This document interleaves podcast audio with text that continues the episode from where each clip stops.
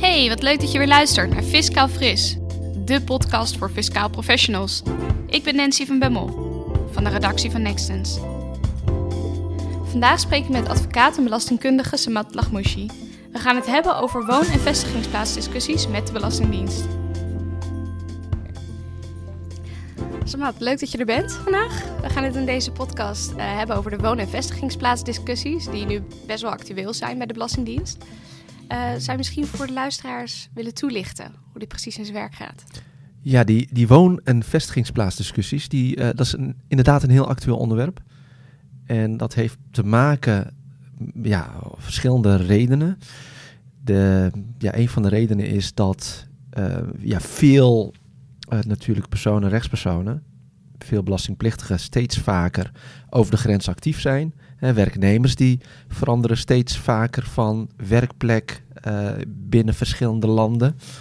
Maar ook uh, ondernemers die zijn ook steeds vaker internationaal actief in meer dan één land. Ja, dat zijn die zogenoemde digital nomads. Ja, toch? bijvoorbeeld ja. inderdaad. Hè? Maar je hebt natuurlijk ook de, uh, de, de expats die, die al langere tijd bestaan, die in meer dan één land actief zijn. Maar inderdaad, de toename van de mogelijkheid om digitaal actief te zijn, de digital nomads om het zo maar te zeggen inderdaad, dat zorgt ervoor dat er uh, inderdaad meer discussie ontstaat over waar iemand nou eigenlijk woonachtig is.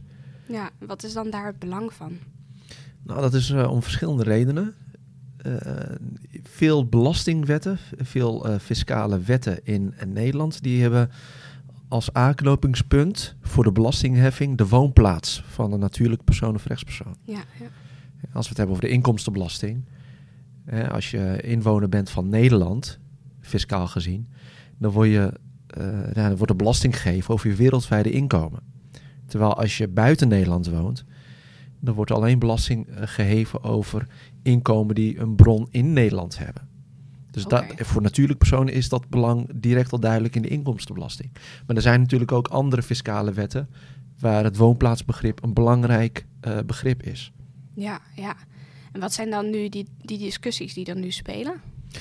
Ja, kijk, om te beginnen, die, die discussies die ontstaan omdat de wetgever ervoor heeft gekozen dat het woonplaatsbegrip een open norm is. Mhm. Mm -hmm. Hè? Dus waar, daar waar iemand woont, wordt naar de omstandigheden uh, bepaald, hè, beoordeeld. Dus dat is heel erg feitelijk. Hè? Wat, wat, zijn die omstandigheden? Dat zijn, in, in feite zijn het alle omstandigheden ja. hè, die je erbij moet betrekken. Nou, je kunt je voorstellen dat de Belastingdienst een ander beeld heeft van welke omstandigheden van belang zijn dan een belastingplichtige dat heeft. Dat kan. En je ziet het ook terug in allerlei uitspraken van uh, rechters en rechtbanken en hoven die de afgelopen jaren zich hebben uh, voorgedaan. Dat ook rechters er niet altijd uh, uitkomen van, ja, waar, is die, waar is die woonplaats nu eigenlijk? En dus die discussie die, die, ja, die, die, is natuurlijk ook wel begrijpelijk. We hebben te maken met een open norm waar verschillende partijen anders naar kunnen kijken. Ja, om het even concreet te maken, waar beoordeelt de Belastingdienst dat dan op? Nou, kijk, als je kijkt naar de wet, dat is uiteindelijk de uitgangspunt. Het uitgangspunt voor zowel de Belastingdienst als de belastingplichtige. Mhm. Mm -hmm. Die heeft het over de omstandigheden.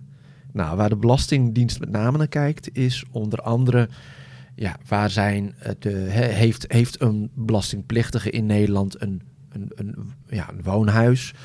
Uh, huurt hij die of heeft hij die gekocht? waar verblijft zijn gezin? Um, waar gaan zijn kinderen naar school? Um, waar um, heeft hij een abonnement op, ja, voor, voor, voor, voor, voor bepaalde hobby's, zoals voetbal. Hè, waar gaan zijn kinderen naar, naar voetbal, et cetera. Dus er zijn verschillende aanknopingspunten die de Belastingdienst hanteert om te bepalen of een belastingplichtige inwoner is van Nederland. En uiteindelijk ja, dan kan, kan het heel breed zijn. Ja. En waar gaat het dan zogezegd mis, zeg maar? Dus wanneer ontstaan nou die, die discussies waar je het over had? Zeg maar, als dat niet duidelijk genoeg is waar, waar iemands vestigingsplaats dan is. Ja, waar het waar het misgaat. Je kan op verschillende manieren naar kijken, maar waar het misgaat is als je kijkt naar, ehm, naar de discussies die zich hebben voorgedaan, zijn het met name personen die inderdaad ehm, verschillende maanden in verschillende landen uh, actief zijn. Ja, dan zijn met name bijvoorbeeld de, de, de experts die van het ene land naar een ander land uh, verhuizen. of in verschillende landen actief zijn, moet ik zeggen.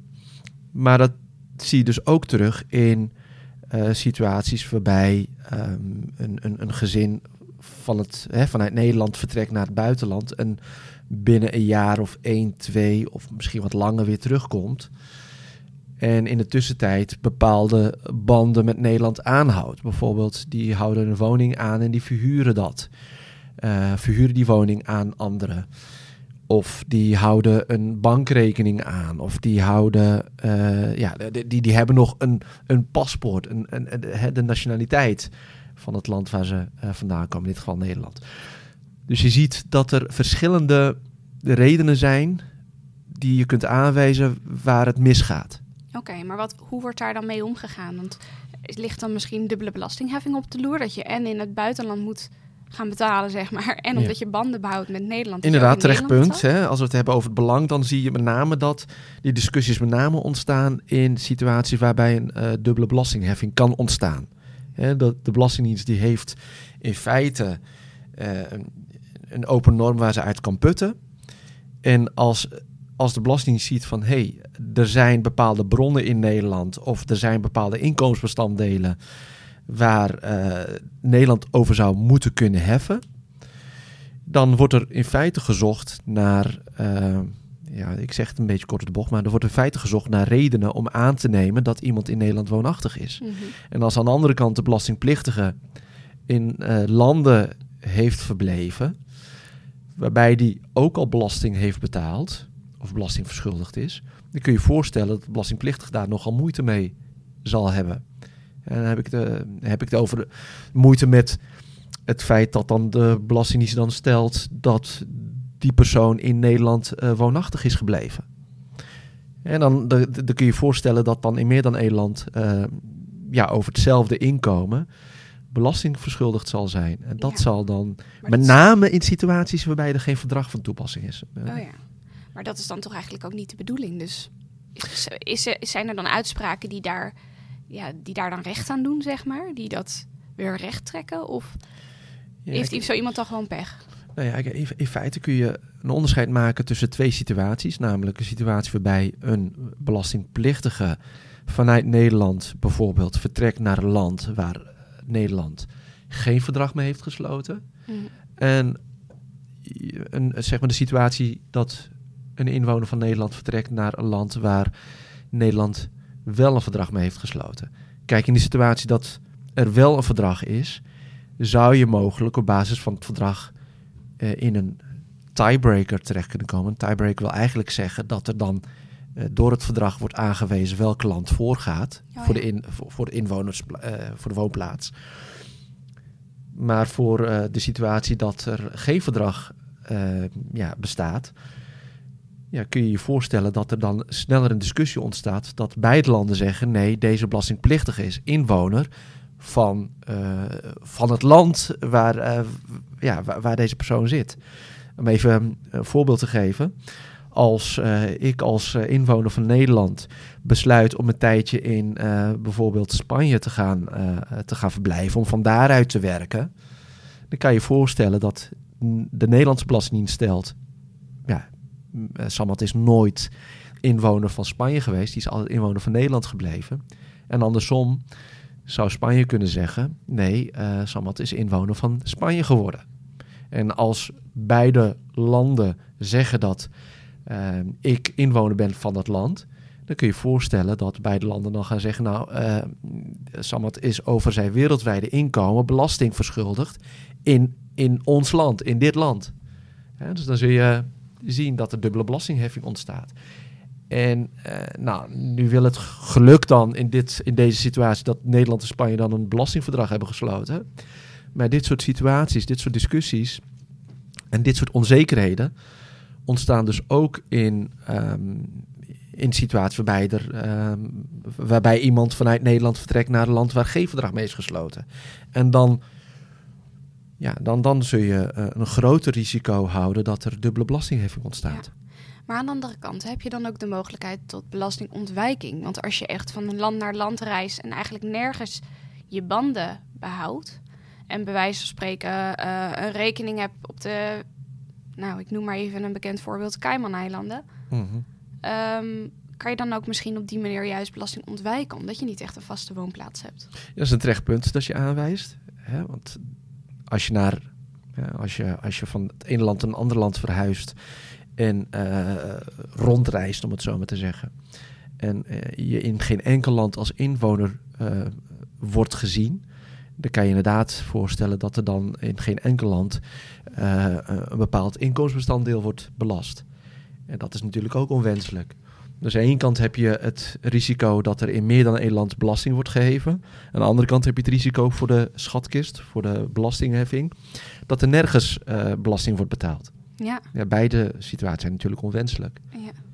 Is er überhaupt dan een oplossing voor deze problematiek? Of is dit echt een maas in de wet?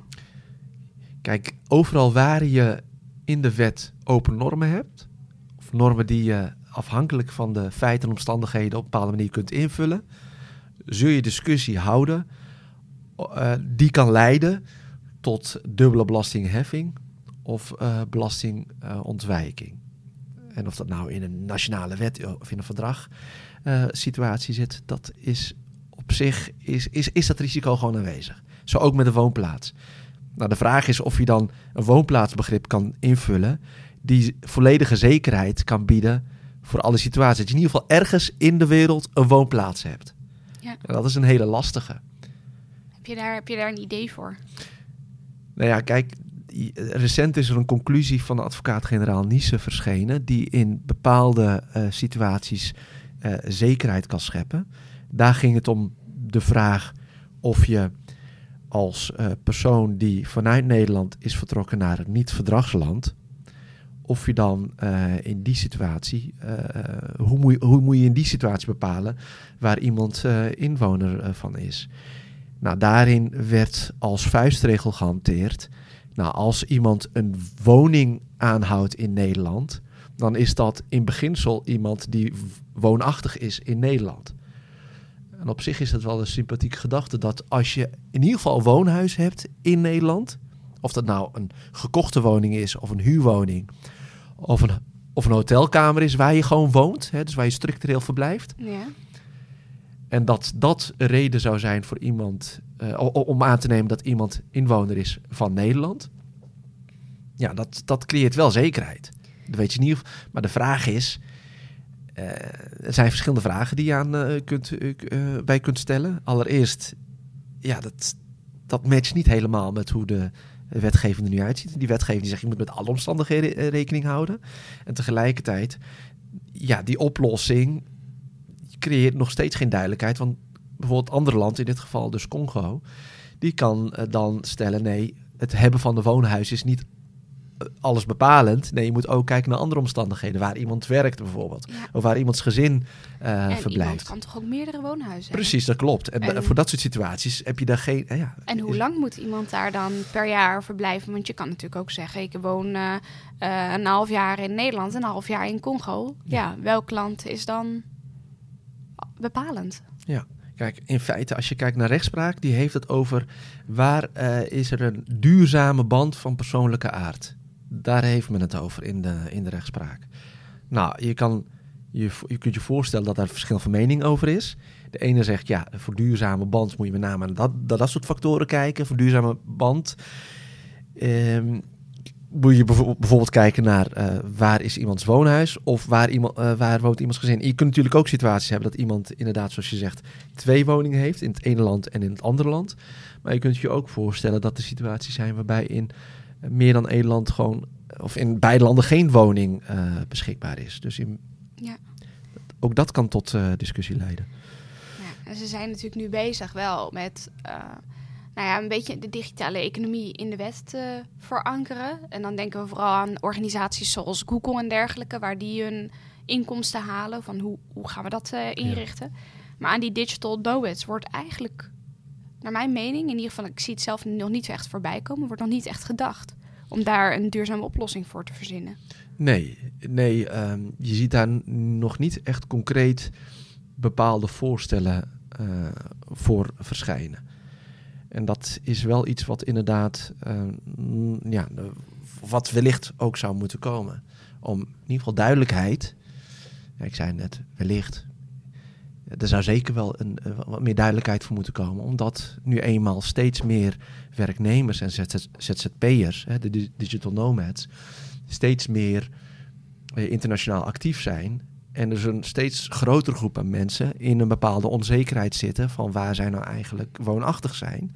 En dus een steeds groter risico lopen dat zij dubbel belast worden. Of andersom, dat er een groter risico ontstaat voor, uh, voor staten dat zij die uh, inkomsten van die digital nomads nergens kunnen belasten. Ja. Dus er moet wel inderdaad duidelijkheid komen. Kijk, voor multinationals die, heel, uh, die, die, die vooral digitaal actief zijn en hun inkomsten vooral door digitale diensten en producten uh, uh, verdienen. Nou, daar wordt steeds meer, worden steeds meer oplossingen voor bedacht. En in ieder geval, daar is men mee bezig. Maar inderdaad, voor digital nomads is dat nog, nog, nog, nog in ieder geval nog onduidelijk. Zou dat dan niet eenzelfde oplossing kunnen zijn? Ja, ik snap waar je naartoe wil. Dat je kijkt naar bronnen. Hè, waar haalt die digital nomad met name zijn inkomsten, zijn of haar inkomsten vandaan? Exact. Ja. ja dus als je bijvoorbeeld met name uh, content marketing doet vanuit een bepaald land, hè, ben je veel met je, vanuit je laptop. Je hebt eigenlijk alleen je laptop en internet nodig. En ja, vanuit uh, een, een, een, strandje in een warm oord kan je allerlei activiteiten doen via het internet. Nou, je kunt je voorstellen dat je dan bijvoorbeeld kijkt naar waar uh, is de afnemer gevestigd. Exact. Waar is je klant gevestigd? Want dat willen ze nu met Google en, en dergelijke Precies. Uh, dat gaan. is op zich uh, geen verkeerde gedachte.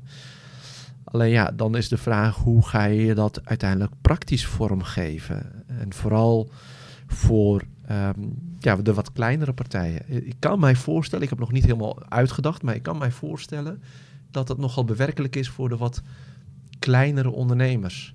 Ja. Voor de ZZP'ers. En vooral als het gaat om ZZP'ers die wellicht klanten heeft, die zelf ook nogal mobiel zijn. Dat kan je natuurlijk ook voorstellen. Ja, ja. oh, daar heb je dan ook weer. Ja.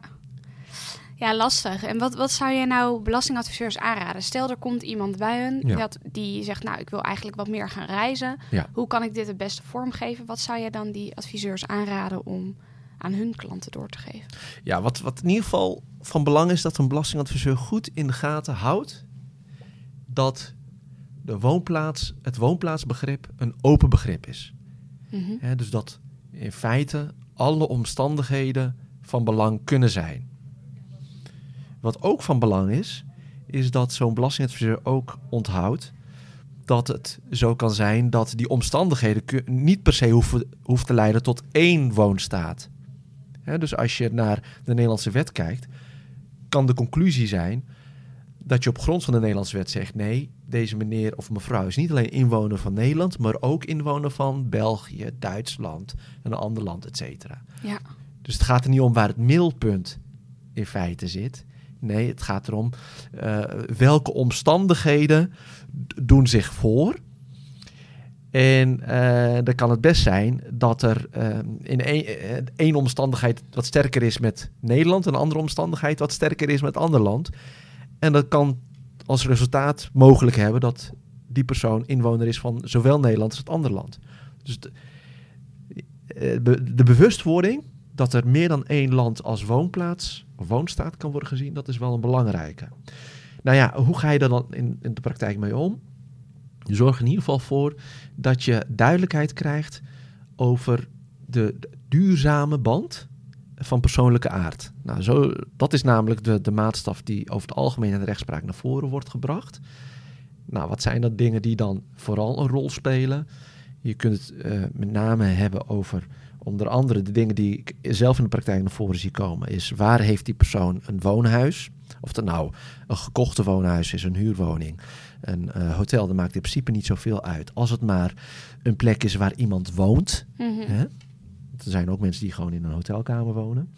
Je kunt het ook hebben, eh, je, wat je, waar je ook naar moet kijken is bijvoorbeeld uh, of die persoon ja, een gezin heeft. is hij gehuwd of niet? Heeft hij, ehm, heeft hij, woont, hij, woont hij of zij samen? heeft hij of zij kinderen? En hoe oud zijn die kinderen? Zijn die minderjarig of meerderjarig? Gaan die naar school, ja of nee?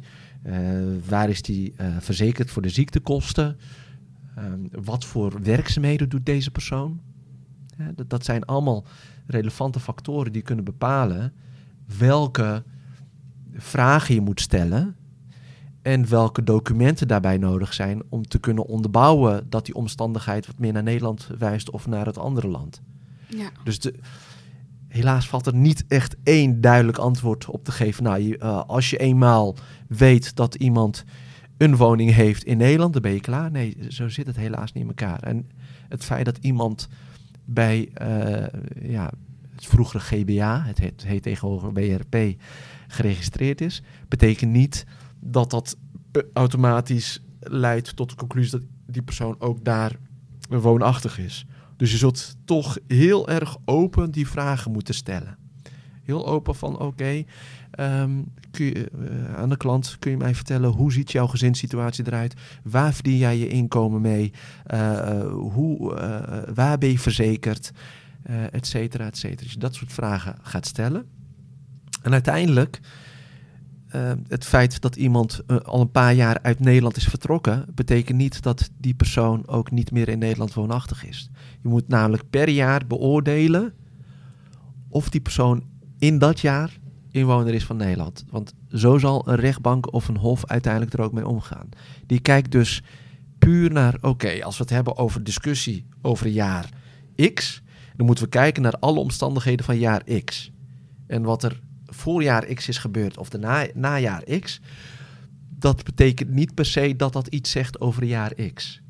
dus je moet echt oh, per jaar. Complex, ja. Dus je moet echt inderdaad per jaar bekijken wat is er in dat jaar gebeurd en hoe verdiende deze persoon zijn inkomen? Uh, hoe was zijn gezinssituatie? Ja, ja, et cetera, et cetera. Ja, ja. Nou, het klinkt alsof er toch uh, maar even duidelijkheid vanuit uh, de wetgever zou moeten komen. Want dit, dit zijn toch discussies die, ja, die toch gewoon opgelost zouden moeten worden eigenlijk. Ja. Ja, ja. terecht. En ehm, waar je ook rekening mee moet houden als adviseur, is dat natuurlijk de formele kant. Hè. We hebben het nu over de fiscale woonplaats, maar je moet natuurlijk ook kijken uh, ja, naar welke zaak of welke vraag mag een belastinginspecteur stellen. in feite kan, hè, want hoe, hoe kom je tot zo'n discussie? In principe, in principe, zal je dus op, op zeker moment een vragenbrief krijgen van uh, uh, de belastinginspecteur als klant zijnde. Dus. En dat, daar zul je als belastingadviseur ook mee te maken krijgen. Nou, dan is de vraag, ja, op welke vragen moet je antwoord geven? En op welke vragen uh, hoef je geen antwoord ge te geven, omdat dat nu eenmaal niet relevant is voor de belastingpositie. Ja, nou, daar, daar kun je natuurlijk ook discussie over voeren. Alleen het probleem met de woonplaats. Ja, dat is, dat is nou net de vraag die redelijk ruim is, redelijk breed kan zijn. Dus er kunnen ook vragen gesteld, mogelijk gesteld worden, die redelijk, ja, die, die over kunnen komen als redelijk privacy gevoelig. Ja, bijvoorbeeld waar, uh, met, met wie woont u in dat land en met wie verblijft u daar? En uh, hè, dokters bezoeken, tandarts bezoeken. Hè, dat zijn toch wel dingen die redelijk privacygevoelig zijn. Maar wel alweer relevant kunnen zijn voor de belastingpositie. Ja, ja. Nou, goede punten over, om over na te denken. Ja. Ik denk dat we dit onderwerp redelijk uh, gecoverd hebben. Okay. Dankjewel, Samad. Ja, graag gedaan. Bedankt voor het luisteren. Vond je deze podcast leuk? Vergeet je dan niet te abonneren op dit kanaal. Volgende week zijn we er weer met een nieuwe podcast. Graag tot dan.